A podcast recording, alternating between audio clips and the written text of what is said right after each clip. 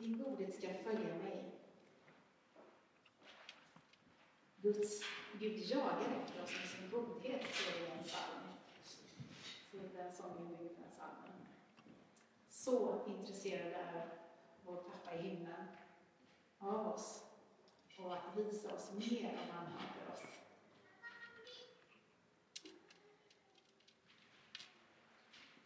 Som många av er redan vet så bodde jag i Grekland år 2007 och 2008 eh, för att hjälpa till i en församlingsplantering där. Och under den här tiden så mötte jag en amerikansk pastor som heter Rick Sizemore. Han kom från USA med ett team för att hjälpa till i missionen. Och eh, det ledde till att de bjöd över mig till USA. Eh, på den tiden så ledde jag lovsång. Då var tanken att jag skulle resa med dem i Florida i tio dagar. Och så skulle de eh, predika om Faderns hjärta. Och eh, hur den helige Ande kan hjälpa oss att liksom ta till oss Faderns kärlek. Eh, så det gjorde vi. Eh, och då var tanken att jag skulle leda lovsång eh, på lite på Vineyardsvis, den här intima, enkla lovsången. När man liksom skapar en mötesplats mellan människa och Gud. Eh, och eh, dra människor in i Guds närvaro. Eh, de här kyrkorna som vi reste till i Florida, de var lite från lite olika samfund, men de hade då valt att åka till kyrkor som inte visste så mycket om den helige Ande, eller visste, de var inte liksom igång med det aktiva eh, eh, tron på helig Ande och vad han vill göra idag. Så de förkunnade först några dagar om den helige Ande. Rick hade flera eh, eh sektioner där han undervisade om Faderns kärlek, den helige Ande. Och sen så bad teamet för människor i församlingen eh, många timmar om att Gud skulle möta dem, om eh, de hade en andeledd förebön där de hjälpte människor att kanske eh, omvända sig från saker och förlåta människor i sina liv och på så vis eh, förbereda dem för ett möte med helige Ande. Och då var ju tanken att jag skulle komma till de här församlingarna och leda den här lovsången, andefyllda lovsången. Men det var inte så lätt. En kyrka vi kom till, det var faktiskt den första, vill jag minnas, så spelade de på klockor i det här musikteamet, eller lovsångsteamet, jag vet inte vad de kallar sig, men musikerna i församlingen. Så att varje person i musikteamet hade en klocka i varje hand, och så stod de på rad, och så hade de av någon anledning läderhalsar på sig, alltså en tysk folkdräkt. Och så, eh, så spelade de i tur och ordning på sina klockor, och så skapade de på så vis en melodi. Och det var ju jättefint. Men det var väldigt långt ifrån liksom det vi tänker kring lovsång. Ehm, så jag eh, vi övade in några moderna lovsånger eh, tillsammans som musik, jag och dem. Och sen så eh, försökte jag liksom modellera den här lovsången som vi, vi brukar använda oss av här i Vinja. Eh, så sista dagen i den här Klockspelskyrkan så hade vi en underbar gudstjänst där hela församlingen, nu hade de fått undervisa om helig Ande och flera av dem hade redan mött helig Ande i de här, tillsammans med teamet, de hade bett för dem. Eh, och de hade förstått vad det handlade om och de liksom öppnade sig för Herren. Så att lovsången blev helt fantastisk. Det, det blev att församlingen sjöng starkare än vi, klockspelsteamet och jag då, eh, på bordet. Och man bara kände Guds närvaro. Det var helt, ja, det var underbart att se vad som hände med den här kyrkan från det att vi kom till eh, det att vi hade avslutningsgudstjänst. Och sen reste vi vidare till nästa kyrka. Och den här kyrkan så märkte vi direkt att de var verkligen hungriga. Efter att vår pastor och hans team hade då undervisat ett par dagar så var det dags för den avslutande gudstjänsten. Där jag och deras musiker skulle leda lovsång tillsammans. Och när vi bad före gudstjänsten, ett rum bakom scenen, så kom anden över oss på ett sånt härligt sätt. Vi knittrade och liksom gungade till lite som man ibland kan göra under inverkan av Guds ande. Och vi bara njöt av hur Guds ljuvlighet kom över oss. Eh, och det här kände vi alla lite till mans. Men värst blev det för Marsha, den äldre damen som brukade spela piano i den här kyrkan, en väldigt prudentlig dam, hon blev så berusad av helig ande så att hon eh, hade svårt att gå ut på podiet för att börja gudstjänsten. Så vi fick vänta lite på Marsha, hon kom krypandes, ålandes och lyckades ta sig fram till sitt piano och greppa tag i den här tangent bordet, eller sidan där, och dra sig upp på pianopallen. och eh, församlingen gjorde stora ögon, vad hade hänt med Marsha? Men snart var vi igång med lovsången och Marsha klarade på något sätt att hitta rätt på tangenterna trots att hon liksom gungade till under Guds kraft med jämna mellanrum. Och sen var det dags för dop. En man som hade varit djupt deprimerad självmordsbenägen hade kommit till de här gudstjänsterna vi hade haft. Och han hade fått möta Jesus. De hade i teamet bett för den här mannen och fått ord ifrån Herren eh, hjälpt honom att bli fri och hjälpt honom att eh, ja, helt enkelt eh, möta Jesus genom själavård och genom förbön. Men så nu var det dags för honom att döpa sig, han hade blivit frälst genom det här. Och det går sig inte bättre än att den helige ande föll så kraftigt över den här mannen när han stod i dopgraven och pastorn med. Så pastorn hann inte uttala doporden och döpa honom, utan han bara åkte ner i vattnet. Och så kom han upp igen och frustade och det stänkte åt alla håll. Och så åkte han ner igen och upp igen och ner igen. Och, och liksom bara skrattade varje gång han kom upp. Och till slut så lyckades ju pastorn eh, döpa honom lite mer ordnat då. Men sen kom ju anden med pastorn också, så det var inte lätt.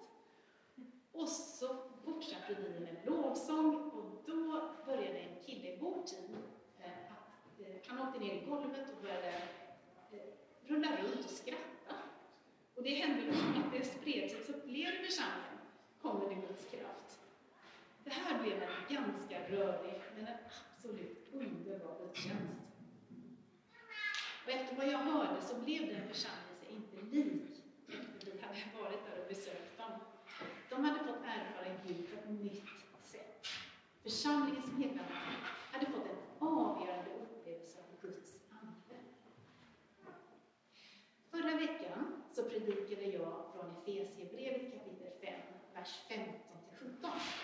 Om att vi ska leva som visa människor och söka förstå vad som är Herrens vilja för våra liv, individuellt och som församling. För att vi ska kunna ta vara på varje tillfälle i dagen vi lever, står det där. Idag ska vi djupdyka i nästa vers. Efesierbrevets kapitel 5, vers 18. Berusa er inte med vin, utan det leder till vårdslöshet. Låt er istället upp av Anden. För Förstår förstå den här versen så tycker jag vi läser den i sitt sammanhang. Det är också ofta en väldigt bra teknik när man ska begripa en vers som man kanske tycker är lite svår att förstå. Man förstår mycket av sammanhang. Så vi läser från Efesierbrev kapitel 5, vers 15 till 21.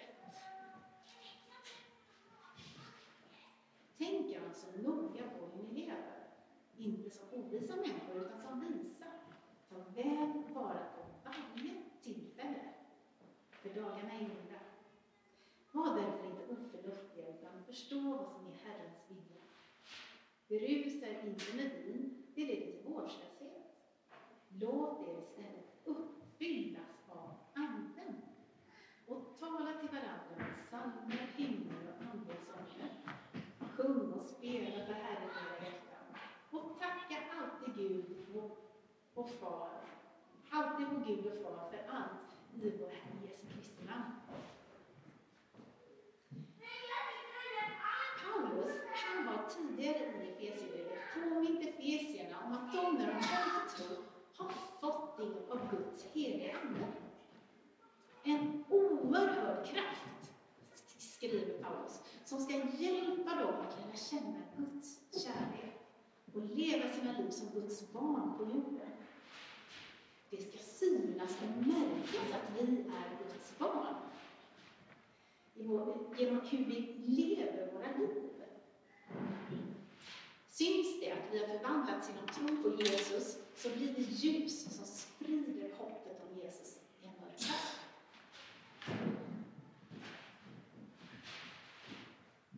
Men vi kan inte lysa med våra liv, vi kan liksom inte lysa med förändring och med hopp om vi, inte, om vi fortsätter leva för världens vis, skriver Paulus, och inte låter den här nya identiteten vi har fått som Guds barn på riktigt ta plats i våra liv.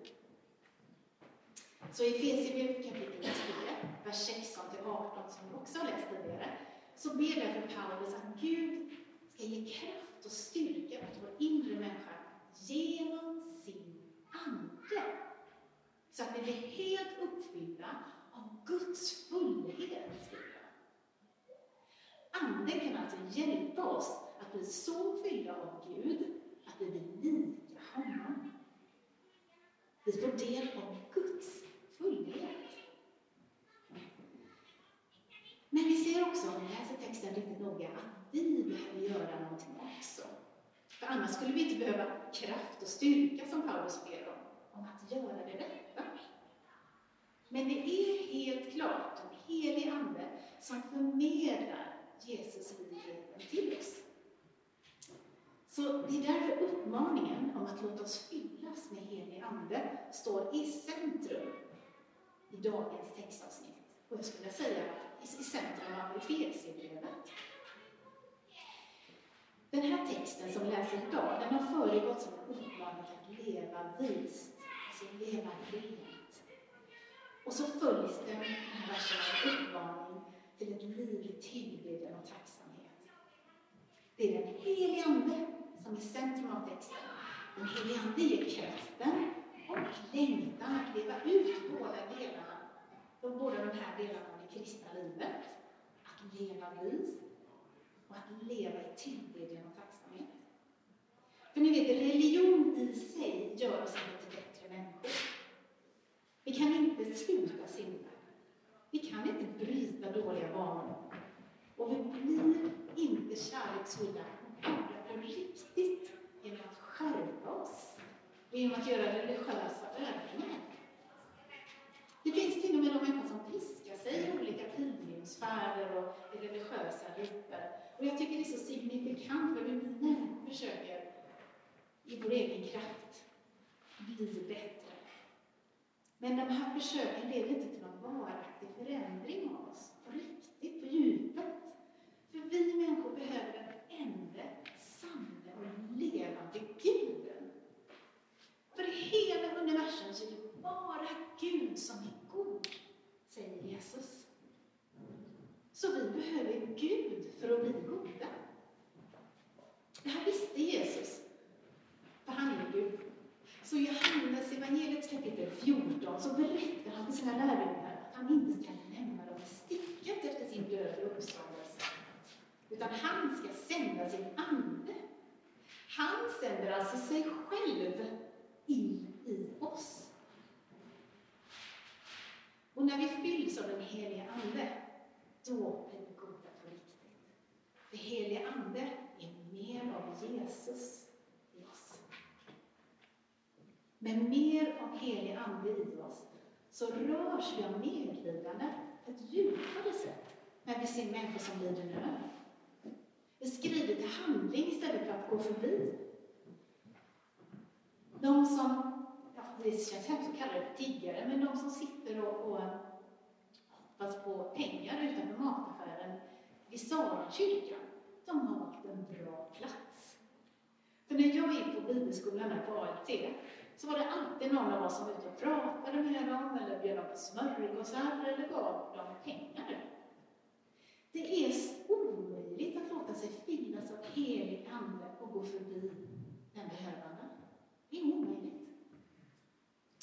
En missionär i Asien beskrev hur en ung pojke blev frälst och uppfylld med helig Ande. Hans familj, som jag tror de var buddister, men jag är inte helt säker, men de hade i alla fall hinduister eller så de förkastade pojken och slängde ut honom. De sparkade bokstavligen ut, ut honom när han blev frälst. Han blev ensam, han blev skyddslös, han blev hemlös och förkastad. Men pojken smög varje natt tillbaka till huset och gjorde rent alla familjens skor som stod ute på verandan. Morgon efter morgon stod det rena fina skor ordnat på verandan. Och pojken slutade inte, utan han höll på ganska länge med detta. Till slut så fick den här pojkens uthålliga godhet hela familjen att ta emot Jesus som sin frälsare. För det är Guds godhet som leder människor till tro på Jesus. Och det är Guds ande som ger oss kraften och längtan efter att göra gott mot andra och efter att leva rent.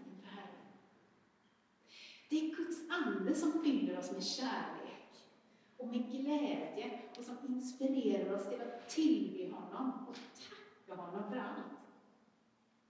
Det är anden som är oljan, eller bränslet om du hellre vill, i det kristna livet. Det är det som får oss att fungera som kristna, som Guds barn. Och I Efesierbrevet så görs det en jämförelse med att fylla sig med vin eller att fylla sig med helig ande. Berusa er inte med vin, det leder till vårdslöshet. Låt er istället uppfyllas av Anden. Jag vet inte om ni har tänkt på det, men jag tycker det här är en väldigt intressant jämförelse. I Apostlagärningarna, då anklagas lärjungarna av vissa i folket att vara berusade när Anden hade kommit över dem. Och de i själva verket var rejält uppfyllda av Guds heliga Ande. I Apostlagärningarnas andra kapitel, vers 12, så står det att folket var alla häpna och förvirrade och frågade varandra vad kan det här betyda? När man såg de andliga lärjungarna komma ut och börja prata om Gud. Men andra sa hånfullt, står det, de har druckit sig berusade på vin, på sött vin. Varför uppfattades lärjungarna som berusade? Jag tror det var för att människorna såg att lärjungarna var kraftigt påverkade av någonting. Av vers 33 så förstår vi att det både syntes och hördes att lärjungarna var påverkade av något. För där står det hur Petrus försöker förklara vad som händer inför folket. Han gör det med orden, denne Jesus som ni dödade har Gud uppväckt och han har utgjutit det ni ser. Det står i vers 4 att de andefyllda lärjungarna hade börjat vittna om Gud på många andra språk.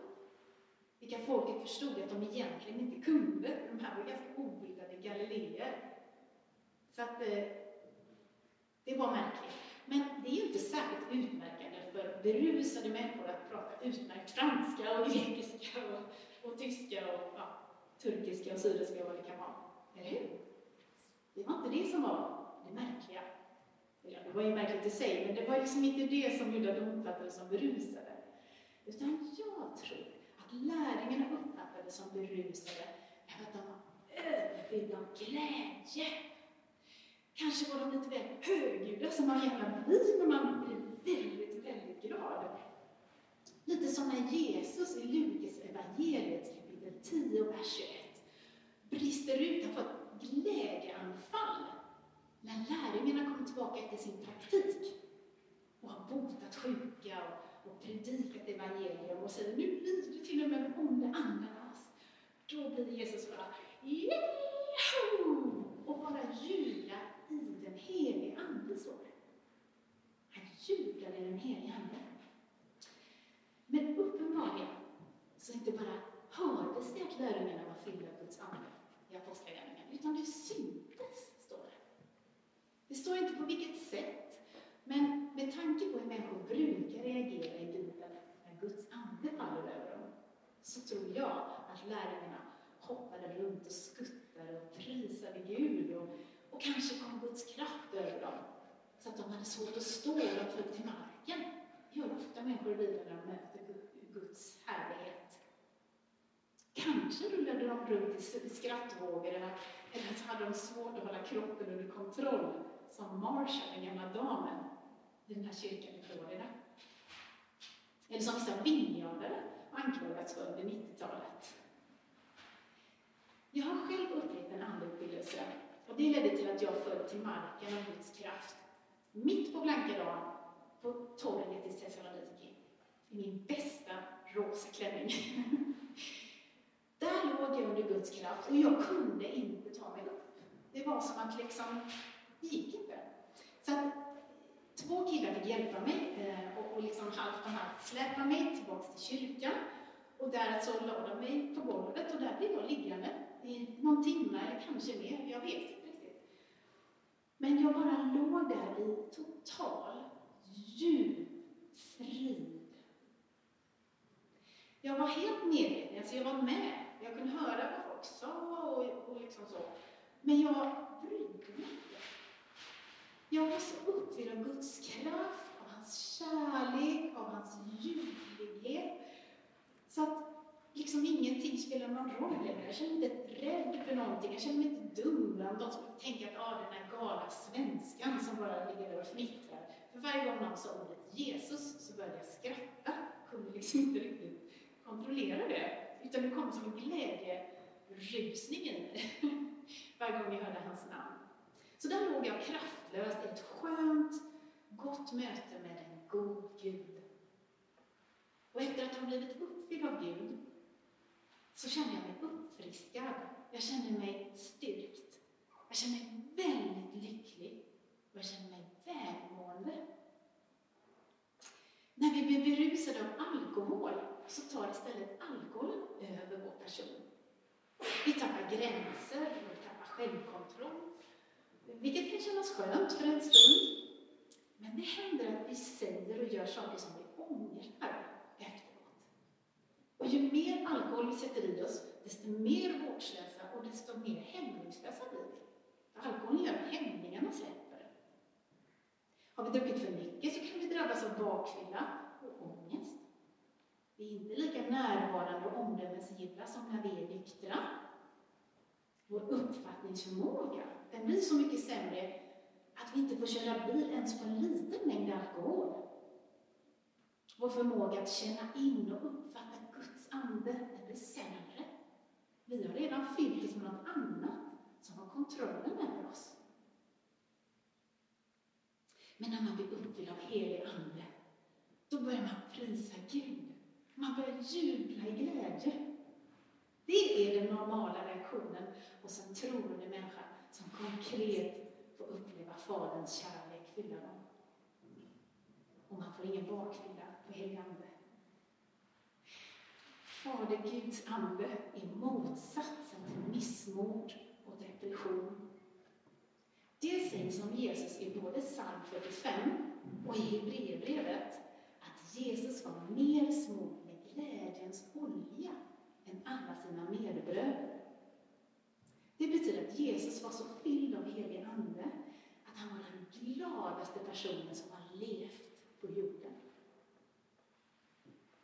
Så när vi ser en människa bli uppfylld av helig Ande så är den människan definitivt under påverkan. Han eller hon är under påverkan av Jesus.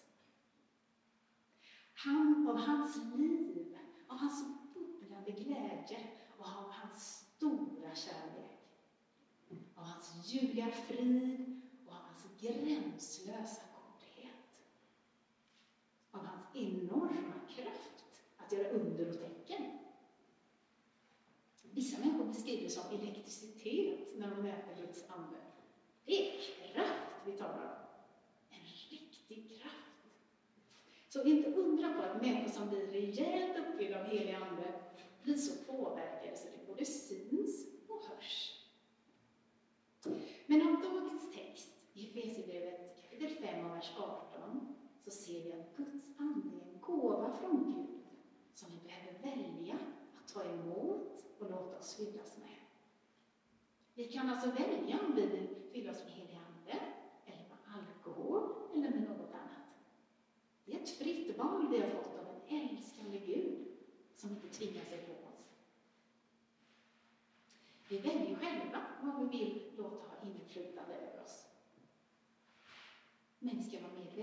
det vi ger inflytande över oss i längden kommer prägla och kanske styra vårt liv. Antingen så tar alkoholen eller annan jakt på egen tillfredsställelse över våra liv. Och vart det leder, det är ganska tydligt tycker jag. Dåliga relationer, okänslighet för andra och i slutändan ensamhet och tomhet. Så kan vi låta oss påverkas och präglas av Jesus, av hans otroliga kärlek till oss. Det intressanta är att Paulus i Efesierbrevet 5.18 skriver, låt er istället uppfyllas av den helige Ande. Och verbet uppfyllas står här i pågående presensform. Det är alltså någonting som kontinuerligt ska hända, som liksom hela tiden sker. Ett pågående förlopp. Så att bli uppfylld av helig Ande, det är min engångsupplevelse som vi kan få när vi kommer till tro eller på ett läger någon gång. Utan Herren vill fylla oss igen. Och igen. Och igen. Vi kan låta oss bli kontinuerligt fyllda av den heliga Ande om vi vill. Jesus har gjort det möjligt för oss. Det är gratis och det är bara att hämta. Men vi kan inte fylla oss själva med helig Ande, utan det är någonting som Gud gör.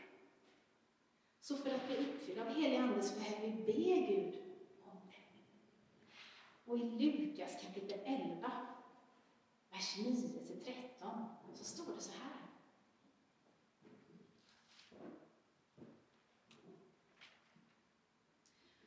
Det är Jesus som säger här. Och jag säger er, be och ni ska få.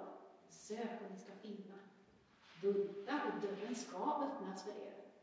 För var och en som ber, han får. Och den som söker, han finner. Och för den som bultar ska dörren öppnas.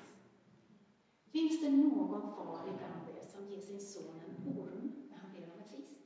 Eller en skorpion när han ber om ett ägg? Om nu ni som är onda förstår att ge goda gåvor till era barn, hur mycket mer ska inte då er far i himlen ge den heliga som ber? Här har vi ett löfte från Jesus själv om att om vi ber Gud om helig Ande så får vi det. Det är för alla. Gud håller alltid vad han lovar. Han kan inte svika, han kan inte ljuga. Det är mot hans natur. Men det finns ändå någonting som påverkar på om vi kan få vara med om det här, den här uppfyllelsen av helig Ande, eller inte. Det finns faktiskt någonting som vi kan göra om vi märker att inget händer. I Efesierbrevets fjärde kapitel, alltså kapitlet innan, vers 9-32, så står det att vi kan göra den helige Ande bedrövad. Vad gör den helige Ande bedrövad? Vi läser kapitel 4, vers 29.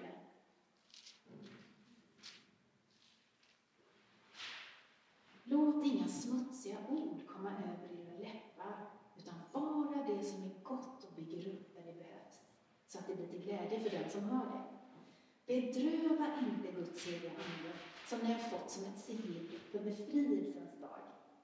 Lägg bort all bitterhet, häftighet och vrede, allt skrikande och förolämpningar och all annan ondska.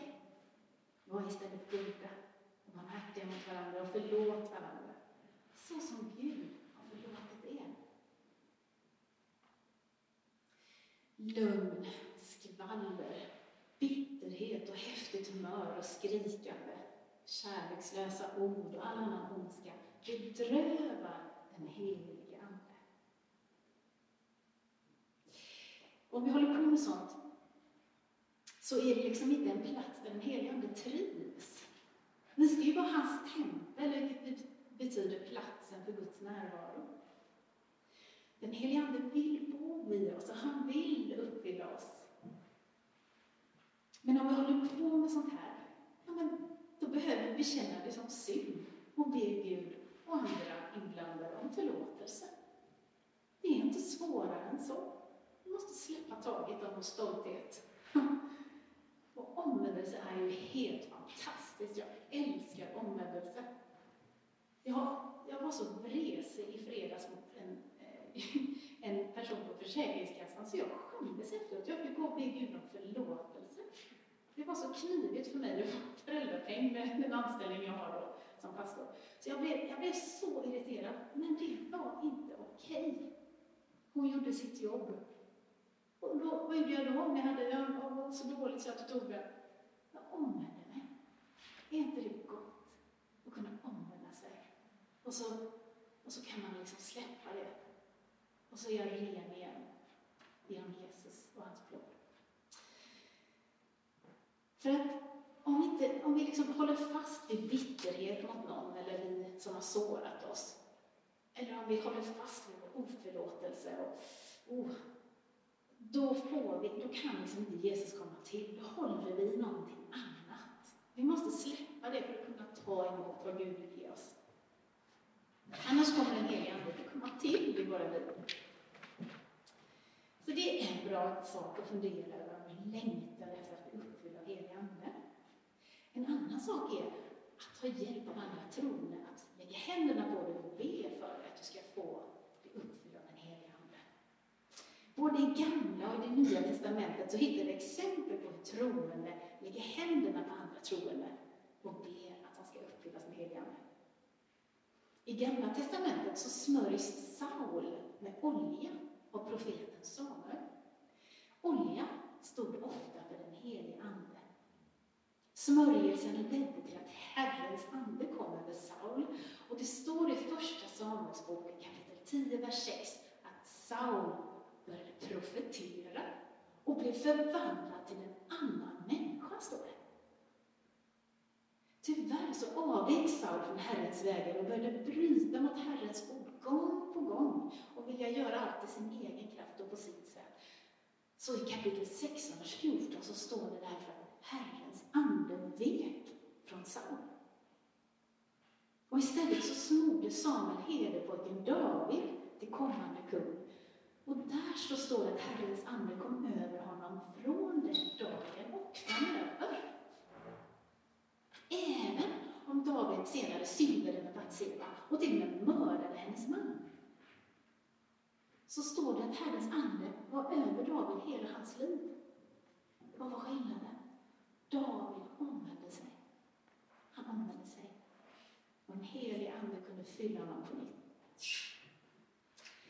I Apostlagärningarna så kommer Ananias till Paulus, också en mördare som har förföljt den kristna församlingen. Men nu har Paulus mött Jesus på väg till Damaskus och han har blivit omvänd. Han har omvänt sig. Så Ananias kallas av anden till Paulus. Det är så underbart, det är till och med en, en gatuadress han får genom heliga ande, till Raka gatan. Så går Ananias dit, lägger händerna Paulus för att han ska kunna se igen och, står det, bli uppfylld av helig ande. I vers 17 kapitel 9. Det är också min egen erfarenhet att det hjälper att jag förbönar andra andefulla kristna för att bli fylld på nytt av den helige Ande. Innan jag fick uppleva att bli berusad av helig Ande i Thessaloniki så hade jag dels suttit i många timmar i med den här pastorsteamet som jag pratade om innan. Där jag tydligt hade fått ta avstånd ifrån saker som inte var bra i mitt liv och omvända mig från saker, både i mitt liv innan jag kom till tro, men även sånt jag liksom hade hållit kvar och inte gjort upp med efter jag kom till tro. Vi hade dömt människor och, och hållit fast vid oförlåtelse och allt möjligt. Dels så hade mina andebyggda ungdomar tidigare den dagen när jag blev berusad av heliga lagt händerna på mig och bett om att jag skulle få bli uppfylld av den heliga Ande. För jag var lite trött och sliten och jag såg liksom som hände dem och jag vill också ha det där. Så det stod på en busshållplats och så la de händerna på mig och så bad de. Och så hoppade vi på bussen för att åka in till kyrkan i centrum av Thessaloniki. Och redan på bussen började jag känna mig lite småkonstig. Sådär. Och sen då när jag kom ut på torget så åkte jag i marken. Så det hjälper att vi ber för varandra. I Johannes evangeliet kapitel 14, vers 15 17 så säger Jesus så här.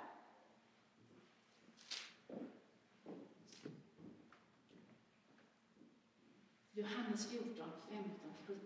Om ni älskar mig håller ni fast vid mina bud. Och jag ska be Fadern, och han ska ge er en annan hjälpare som ska vara hos er för alltid. Sanningens ande.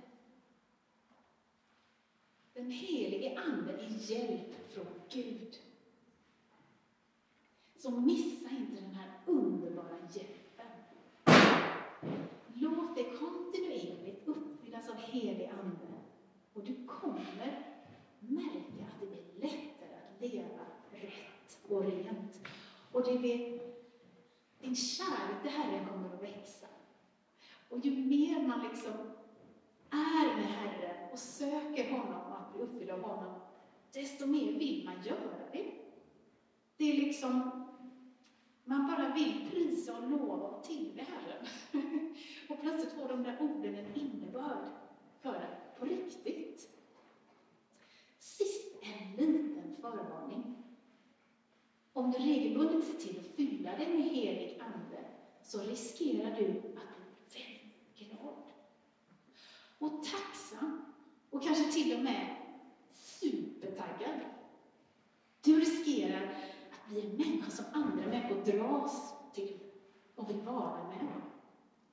Du riskerar att känna större medkänsla och du kommer att ha svårt att gå förbi människor i svårigheter. Du riskerar att höra Faderns röst när du går fram. Och du riskerar att inte kunna hålla dig från att berätta om din tro på Jesus för andra. du riskerar att fånga med under. Alltså, du är medveten om det innan du börjar söka Herren och hans, att bli uppfylld av hans ande. Ska vi be?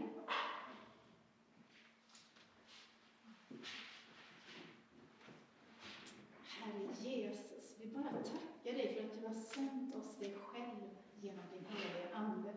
Du har sänt oss hjälp att leva i den här världen, helt annat sätt än den här världen, som dina barn. Herre, jag bara ber att du ska komma och uppfylla oss med din Ande idag. Jag ber att du ska möta var och en här inne med din heliga Ande. Jag ber att du ska väcka en längtan i oss efter att söka efter mer av dig och din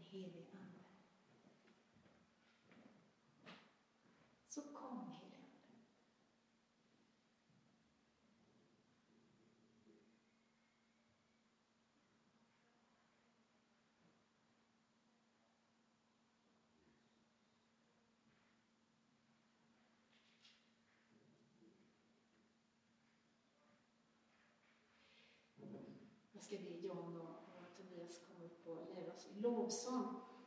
Eh, men jag tror också att jag eh, ska, vi bad före gudstjänsten och vi fick några ord från Herren som vi upplevde det. Lotta, har du lust att komma upp och berätta vad du fick?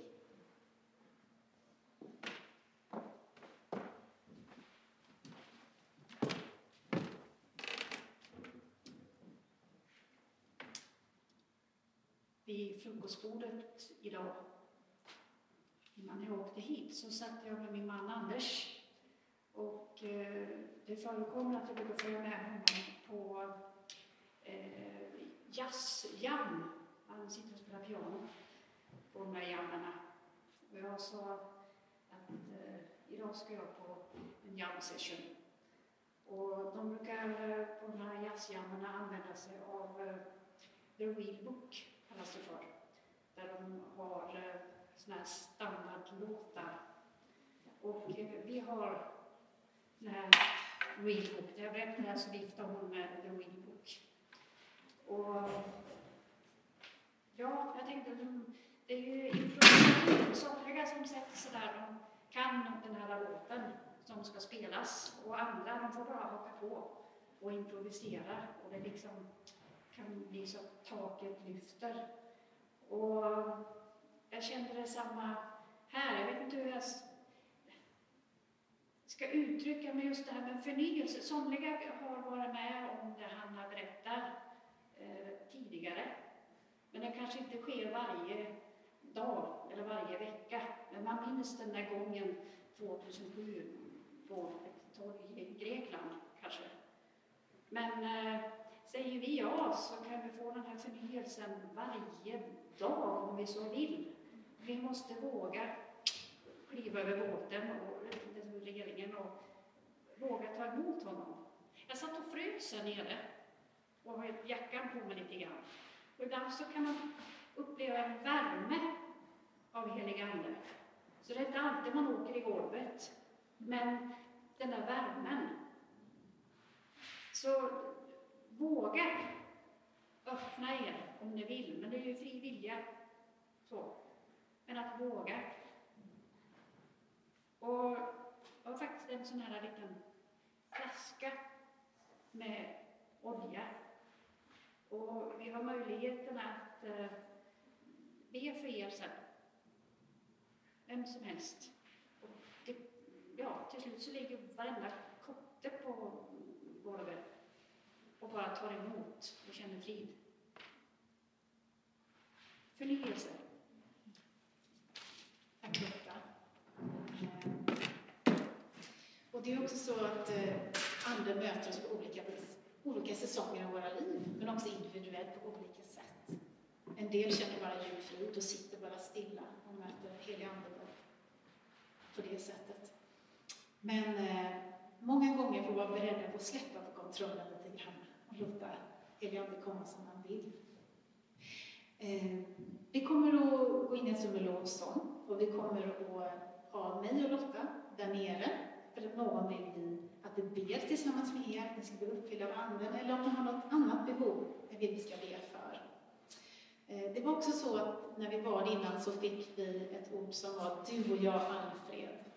Om att Herren kallar någon eller några till en, en intim, nära relation där man liksom bara, ja, ganska vad heter det, prestationslös eh, nära relation. Stämmer det Roger? Var det, var det så? Jo, sa jag, kom ihåg rätt. Ja. eh, och sen fick vi också en bild av en stor plastpåse fylld med vatten ovanför en, eh, en person. Och det, det, det, hänger där, allting är precis ovanför och finns där för oss, bara en tunn hinna emellan. Det enda som krävdes var som att jag såg en liten nål komma upp och liksom bara sticka hål på den här så bara, så bara kom vattnet som vi tror då är anden, den himmelska, eh, över personen. Så vi behöver inte prestera fram någonting här, utan det finns för oss. Herren har det för oss. Men vi behöver bara sträcka oss emot det och be om det. Okej? Okay. Då så. Då sjunger vi några lovsånger. Det finns förbön för er som vill. Och sen finns det lite kaffe för er som vill.